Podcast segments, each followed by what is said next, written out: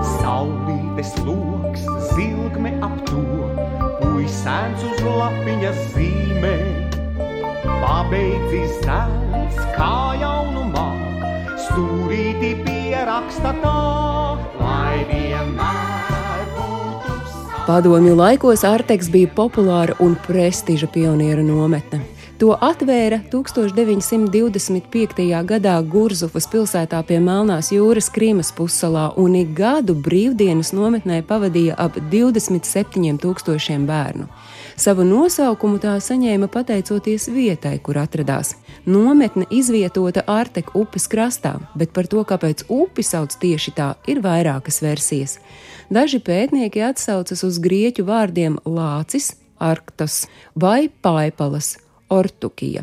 Nometnē gan attīstīja versiju par paipalām, pat sacerēta dziesma Arteks Paipalu sala. Un tieši šī izcelsme arī aktīvi kultivēta nometnes dalībnieku un darbinieku leksikā. Sākotnēji šai vietai bija ierīkota sanatorija bērniem, kuri sirga ar tuberkulozi. To savulaik izveidoja Krievijas sarkanais krusts, bet par to, ka tā kļūs par pionieru nometni, paziņoja divus gadus pēc pionieru kustības dibināšanas 1924. gada novembrī Maskavas pionieru svētkos.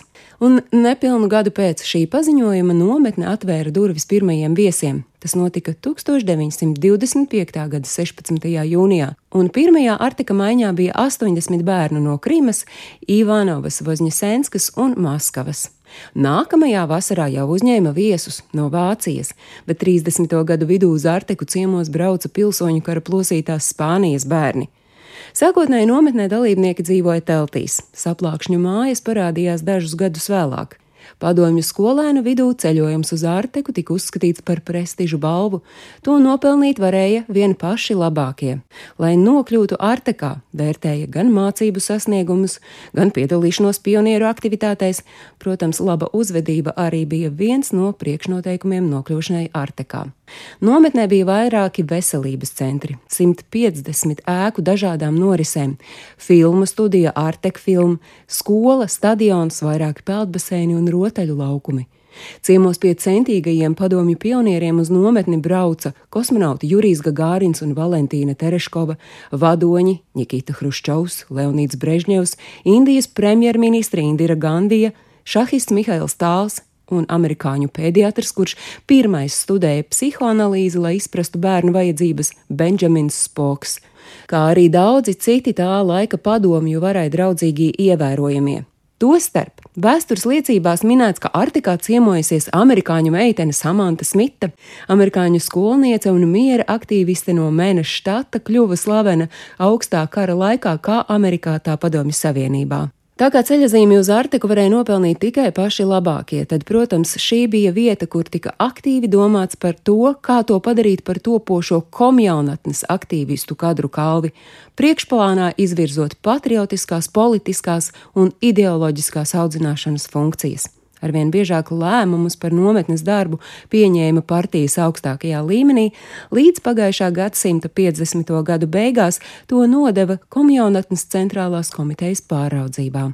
Padomju Savienībai sabrūkot, Arteks nonāca Ukrainas īpašumā, un līdz pat 2014. gadam tajā bez maksas vai subsidēti atpūtās apdāvināti bērni invalīdi bāreņi, bērni no trūcīgām ģimenēm.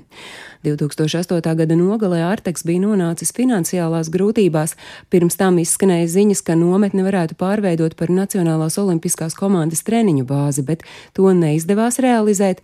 Tad izskanēja ziņas, ka nometni varētu slēgt uz visiem laikiem. Brīdī, kad tās vadītājs pieteica bada streikus un protestus rīkoja Arteka bijušie dalībnieki, Ukrainas parlaments norakstīja parādus, veica virkni izmaiņu likumos un nometne turpināja darboties. Pēc Krimas aneksijas 2014. gadā nometnes rīkotāji Ukrainā pārcēlās uz Bukovelu Karpatos un izveidoja jaunu nometni, kamēr iebrucēji nometnē ieguldot miljoniem rubļu, centās to atkal padarīt par vietu, kas atgādinātu bijušos laikus stāstīja Agnese Trunka. Kara lai nav, posta lai nav, bērnus mēs ceļamies sargāt. Saule lai mirt,